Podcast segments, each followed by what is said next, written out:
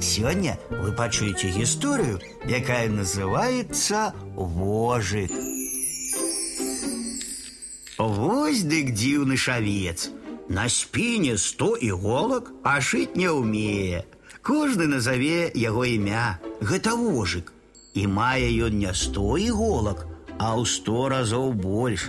Так прынамсі падлічылі вучоныя. Жыве вожык ва ўсіх мясцінах нашай Беларусі. Найчасцей вядома ў лесе. Але ёсць сярод вожыкаў і такія, што не цураюцца жыхарства ў горадзе ці ў вёсцы. Іх можна сустрэць у садзе, у парку, непадалёку ад хлява для свойскай жывёлы. Вожык, напэўна, самы адважны са звяркоў, нашых блізкіх суседзяў. Ён не спяшаецца ўцякаць, калі яго хто-небудзь перастрэне на сцяжынцы. Натапырыць свае вострыя калючкі і сярдзіта чухвыкае, пыхкае, маўляў, прэч з дарогі, бо ў калю.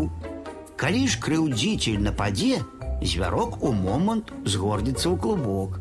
Няшмат знойдзецца ахвотнікаў пагуляць з такім калючым мячыкам. Хіба галодная ліса пакоціць яго да ручука ці глыбокай лужыны, а потым як вожык стане ратавацца, плыць па вадзе, цопне яго зубамі за пыску ці жывот. Дарэчы, вожык і сам адважны паляўнічы. Шмат знішчае шкодлівых жукоў, слімакоў, бурыць мышыныя і кратовыя гнёзды. Асабліва зацята змагаецца з паўзучымі гадамі. Ніколі не абміне гадзюку, нават самую вялікую страшную. Спачатку цаляе пашкодзіць, перакусіць у хрыбет. Гадзюка умела бароніцца, пагрозліва сыкае, наравіць укусіць звярка. Але вожыка надзейна бародзіць вострыя калючкі. Ён звычайна перамагае. Цікава і тое, што маленькія вожыкі адразу нараджаюцца з іголкамі. Аднак на пачатку яны ў звяркоў мяккія і белыя.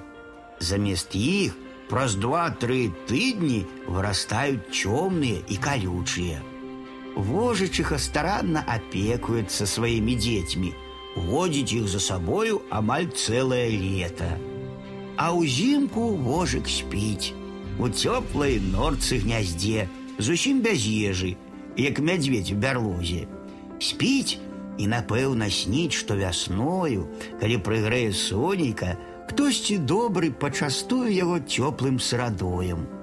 Малако для вожыка самы лепшы ласунак на свеце. С подачкам сырадою звярка лёгка прыручыць. Але трэба памятаць, малако шкодзіць вожыкаваму здароўю, асабліва калі наліваюць яго шмат і кожны дзень.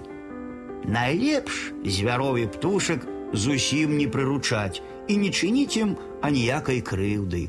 Тады яны заўсёды будуць жыць з намі у блізкім суседстве і добрай згодзе.